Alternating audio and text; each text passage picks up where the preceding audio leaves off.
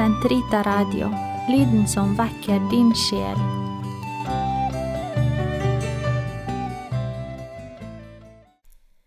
Karmels hage episode 23 Åndelig lesning del 4 Teresa av Avila og Den indre borgen Stor var gleden da Teresas mesterverk Den indre borgen ble trykket på norsk i 2018. Jeg sitter med boken i hånden og vet at jeg har lest den flere ganger, men alltid snubler over nye utfordringer. Så denne sommeren, før ny lesning, har jeg tatt meg god tid med broder Wilfrid Stinesens Indre vandring, som er en guide til Den indre borgen, og som utkom på Efrem forlag i 2020. Også denne har jeg lest mange ganger. I år har jeg lest den i ny utgave, uten mine evinnelige understrekninger og kommentarer i margen, og jeg har landet på et par konklusjoner. 1. Akk, hvor mye vi mennesker glemmer eller fortrenger. Akk, hvor jeg trenger å lese om igjen og om igjen de første, om de første boligene. Uansett hvor lenge vi har drevet med indre bønn og prøvd å gjøre alt etter boken, så er det ubehagelig å lese om hennes første bolig og innse at man stadig, ja, i hvert fall innimellom, står farlig nært den tunge porten ut av borgen. Hennes bøker er vidunderlig medisin mot alt som kunne smake av hovmod, og likeså fantastisk provoserende spark bak til selverkjennelse, som er nøkkelen til all åndelig utvikling. Det andre som slår meg, er hvor godt det er at broder Wilfrid forteller meg hvor viktig Teresas store åndelige erfaringer er for helt alminnelige åndelige liv. Om jeg aldri skulle oppnå det hun beskriver, så er det likevel relevant. Han skriver, Mange av oss opplever i smått det de store mystikerne opplever i stort. Til tross for den enorme forskjellen er det allikevel et slektskap. Den store og den normale mystikkens representanter pleier å forstå hverandre utmerket. Det tredje jeg vil nevne, kan trøste dem som synes mystikken er skremmende, ja, for den er jo det. Ikke for intet at de forskremte mennesker som opplever gudsåpenbaringer, og som vi leser om i Bibelen, i første omgang trøstet med frykt ikke og denne trøsten er Jesus Kristus. Karmelittisk mystikk beveger seg ikke ut og opp i en ullen, mystisk sky. Teresa viser oss alltid målet, Jesus Kristus. I dag vil jeg gjerne inspirere dere til å hive dere ut på dypet sammen med Teresa av Avila og hennes indre borg. Jeg gjør det ved å lese for dere forordet som nonnen i Totos Toos i Tromsø skrev til den norske utgaven av boken. La oss først be sammen. Kom, Hellige Ånd, fyll dine troendes hjerter og tenn i dem din kjærlighetsild, du som gjennom de mangfoldige tungemål samlet alle folkeslag til troens enhet. Send ut din ånd, og alt skal bli omskapt, og du fornyer jordens åsyn. La oss be. Gud, du har opplyst de troendes hjerter ved Den hellige ånd.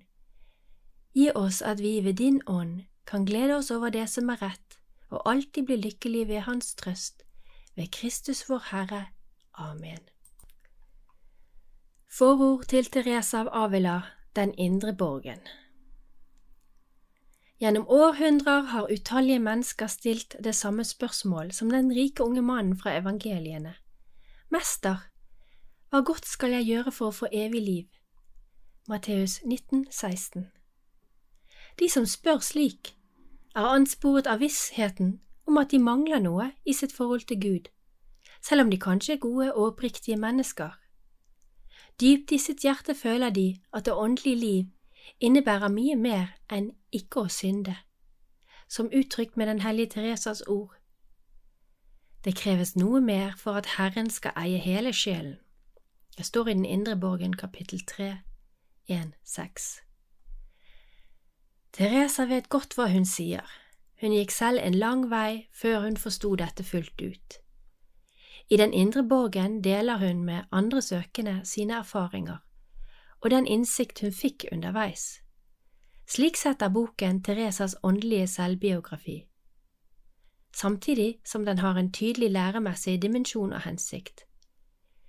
Teresa vil ikke skrive om seg selv. Hun vil, ved hjelp av det Gud har virket i henne og latt henne forstå, hjelpe andre på veien for å oppnå foreningen med ham. Bokens tilblivelse Den indre borgen er Teresas siste store verk. Året er 1577, fem år før Teresas død, og boken, som vil bli stående som hennes selvbiografi, Boken om mitt liv, fra 1565, har for lengst sett dagens lys. Hvorfor dypper hun pennen igjen? Som tilfellet er med alle hennes verk, skriver hun nå fordi hun har blitt pålagt det av den som for tiden er hennes åndelige veileder. Bakgrunnen for en slik ordre var at boken om et liv hadde blitt konfiskert av inkvisisjonen i 1574 og kunne regnes som tapt for godt. Teresa mintes at mange ting om bønnen var skildret godt der. En annen grunn var at Teresa, etter at boken om et liv ble til, hadde kommet til sin fulle åndelige modenhet, den fullstendige foreningen med Gud. Med sin nye, dypere erfaring og innsikt hadde hun fått en ny, moden synsvinkel på den veien hun hadde gått. Derfor påla fader Geronimo Gracian henne å skrive sin selvbiografi på nytt. Året 1577 er preget av en alvorlig krise i Teresas reformverk innen karmelittordenen. En konflikt med ordensgeneralen gjør at hun blir fratatt fullmakten til å stifte flere nye klostre. En storm av anklager og forfølgelser herjer rundt henne. Mens hun skriver de siste kapitler i Den indre borgen, blir hennes medreformator, den hellige Johannes av Korset, bortført av de ikke-reformerte karmelittbrødrene og fengslet på et da ukjent sted. Imidlertid finner ingen av disse hendelser veien til Teresas bok. Heller ikke andre konkrete fakta fra hennes liv blir nevnt. Hun skriver sin selvbiografi fullstendig innenfra. Hun abstraherer fra alt det ytre, omstendighetene, hendelsene, personene, og konsentrerer seg om den åndelige vei. Samtidig blir verket til på rekordtid. Teresa begynner å skrive i juni i klosteret i Toledo, og i løpet av halvannen uke skriver hun hele ti kapitler. I juli forlater hun Toledo for å dra til Avila. Underveis forfatter hun, forståelig nok, ikke mer enn ett kapittel. Resten av boken, 16 kapitler, skriver hun i løpet av november i Avila. Denne farten gjør inntrykk, særlig når man er klar over de ytre omstendighetene rundt verkets tilblivelse. Man sanser åndens særlige tilskyndelse og virke. Hvem er bokens adressat? Teresas hensikt var å skrive for sine medsøstre, noe som tydelig fremgår i teksten. Hennes personlige, ydmyke overbevisning om at det er absurd å mene at dette kan være til noen hjelp for andre enn dem, har imidlertid gjennom århundret vist seg å være langt fra riktig. Den indre borgen anses som et av de største mesterverk innen kristen mystikk. Tittel og billedspråk Hvorfor fikk boken tittelen Den indre borgen? Teresa selv forteller at hun i bønnen ble inspirert til å beskrive menneskets sjel med dette bildet. Vi kan betrakte sjelen som en borg, helt og holdent av diamant eller meget klar krystall. Inne i den er det mange rom, like som det i himmelen er mange boliger. Og midt i sentrum ligger den fornemste av dem alle, den der meget hemmelighetsfulle ting finner sted mellom sjelen og Gud. Teresa bruker bildet av borgen både helt konkret og mer symbolsk. Denne borgen er en slagmark, omgitt av festningsverk og truet av fiender. Samtidig er den et fredens slott, et paradis, med den høyeste konge, Gud selv, boende i sin midte. Teresa erfarte sannheten om at menneskets sjel er Guds bolig, en sannhet som både fortryller og gjør ydmyk. Hun vil smitte alle med tanken at hvert menneske er i stand til å nyte Guds kjærlige nærvær, akkurat som en krystall er i stand til å gjennomstråles av solens lys. Samtidig gir Teresa mange praktiske råd om hvordan mennesket best samarbeider med Guds nåde. For hun fastslår at det finnes en gjensidig sammenheng mellom et dydig liv og bønn. Hun understreker at både inngangen og hele ferden har bønnens, det vil si et stadig dypere vennskap med Kristus, som drivkraft. Og man skal ikke bli tilfreds med hvilken som helst grad av dette vennskap. Teresa vil at alle som kommer inn i borgen, skal sikte høyt. For Gud liker best at man ikke fastsetter grenser for hans verk. Kapittel 1, 1-2 I sin beskrivelse av den åndelige veien bruker Teresa også en rekke andre symboler og allegorier, hvorav de viktigste er to. Silkeormens metamorfose et bilde på menneskets forvandling i Kristus i de femte boliger. Brudesymbolikk tatt fra samtidens skikker forbundet med ekteskapsinngåelse. Teresa innfører allegorien i de femte boliger der de to, menneske og Gud, møtes ofte for å bli kjent med hverandre, før de, gjennom forlovelsen som finner sted i de sjette boliger, uttaler sitt formelle ja til det fremtidige bryllup. I de syvende boliger skjer den fullstendige og varige foreningen mellom menneske og Gud, det vil si det åndelige ekteskap.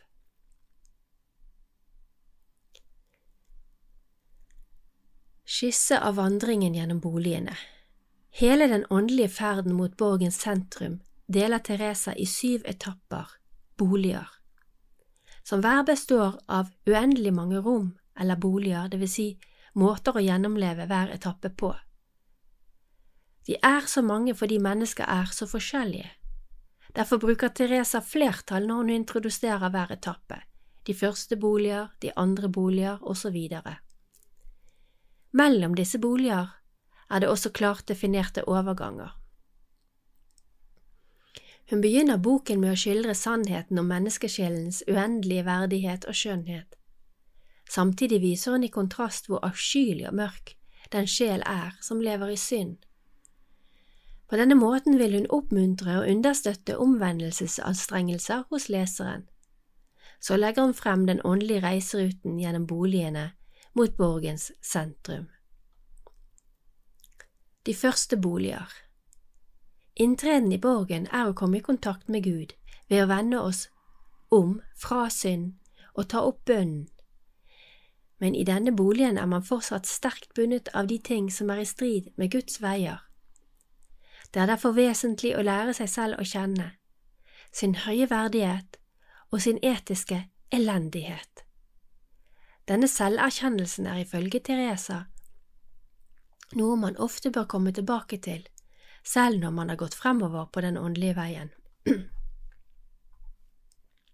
De andre boliger Denne etappen preges av en stadig kamp for å holde ut i bønnen, kamp mot motløshet og mot alt som vil få oss til å snu på veien. De tredje boliger Her oppnår man en viss grad av stabilitet i et godt moralsk liv, men resultatet er at man blir selvsikker og forlanger bifall fra Gud og mennesker. Sjelen forlater ikke disse boliger så lenge den ikke er villig til å overlate initiativ og kontroll til Gud denne overgangen initierer Gud selv ved å la mennesket oppleve tørke i bønn og egne anstrengelsers utilstrekkelighet. De fjerde boliger Ved inngangen til disse boliger skjer det avgjørende gjennombruddet i det åndelige liv. Her slipper man endelig roret og overgir det til en annen, for tillitsfullt å la seg lede videre. Teresa insisterer imidlertid på at dette ikke er det samme som å slappe helt av. Man skal fortsette å anstrenge seg både på det etiske planet og i bønn. Tyngdepunktet er imidlertid ikke lenger en selv, men Gud og Hans initiativ som skal besvares med stadig større iver og fasthet. Først her kan noen stråler av det overnaturlige i bønnen nå sjelen. Parentes samlingens bønn og hvilens bønn. Parentes slutt. De femte boliger Overgivelsen til Gud bærer gradvis frukt i form av en forvandling til et nytt liv i Kristus. Ved hjelp av silkeormen-allegorien viser Teresa hvor stor menneskets egen innsats kan være her. Alt skal lede til en fullstendig samklang mellom ens egen vilje og Guds vilje, til å dø for alt som ikke er Gud. Denne forvandlingen er ennå ikke definitiv, den må opprettholdes av viljens stadige samarbeid med Guds nåde. De sjette boliger Den fullstendige forening av viljene blir fulgt av en åndelig forlovelse mellom sjelen og Gud. I disse boliger skjer den definitive, svært smertefulle renselsen av ånden. For at ikke bare viljen, men hele personen skal kunne bli forenet med Gud. Samtidig karakteriseres denne etappen av en stadig økende lengsel etter Gud. Det er Gud selv som vekker denne lengselen og drar sjelen til seg.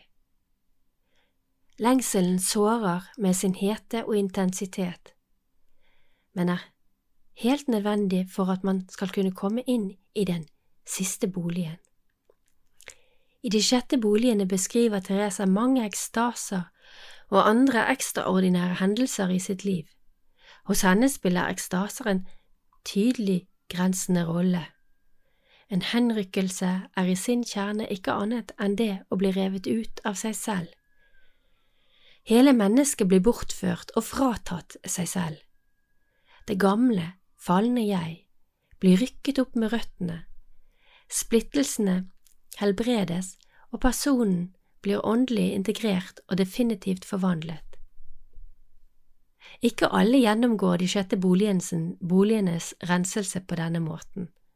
Også her er det mange veier, og den hellige Johannes av Korset på sin side beskriver åndens renselse som et dypt og ugjennomskuelig mørke. Helgenes erfaringer lærer oss at de ekstraordinære nådegavene ikke hører til mystikkens vesen, de er bare én av flere måter å gå denne veien på, og det er Gud selv som stikker ut ruten for hver og en.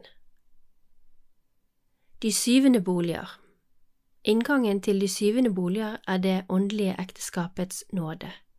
Her ledes bruden inn i treenighetens fellesskap, samtidig som bruden blir fullstendig forenet med den korsfestede Kristus. Ekstraordinære fenomener i bønnen opphører. Mennesket oppnår definitivt fylden av sin menneskelighet. Helligheten, som finner sitt uttrykk i tjenesten for de andre og i en total selvforglemmelse. Teresa vil at alle skal komme inn i denne dypeste foreningen med Gud, denne salighet og fred hun selv og så mange andre får erfare allerede her på jorden.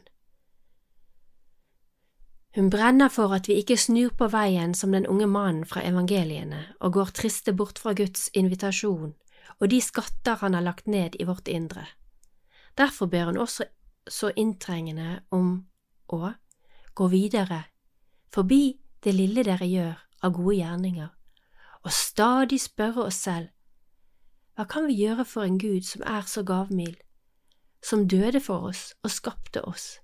Kapittel 3, 1-8 Herren ser nemlig ikke så meget på størrelsen av våre gjerninger, som på den kjærligheten vi har utført dem med. 7, 4, 15 Teresas aktualitet ligger nettopp i at hennes budskap gjelder noe som aldri kan foreldes vennskapet med Kristus. Hennes naturlige og dialogaktige stil gjør at vi lett kan øse av hennes gudegitte visdom. Hun er utrustet med både karisma og nåde til å formidle til alle mennesker av god vilje fundamentene i en omdannende spiritualitet. Evangeliets budskap er levende i hennes forkynnelse og synlig i hennes erfaringer. Derfor har hennes ord en evne til å erobre våre hjerter og oppmuntre oss på veien i den indre borgen, den levende Guds tempel. 2. Korinterbrev 6,16 Dette tempelet som vi selv er, jf. 1. Korinterbrev 3,17.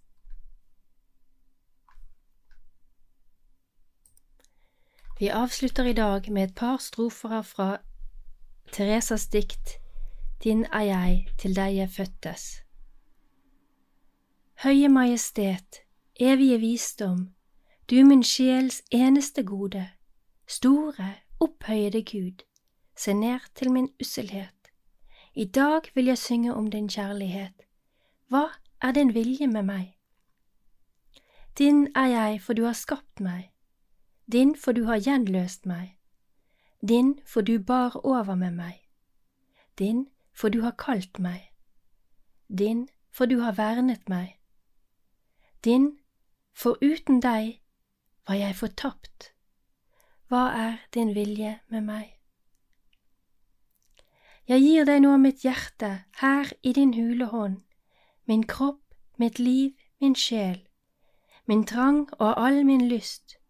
Skjønne brudgom og forløser, se, jeg hengir meg til deg. Hva er din vilje med meg? Amen.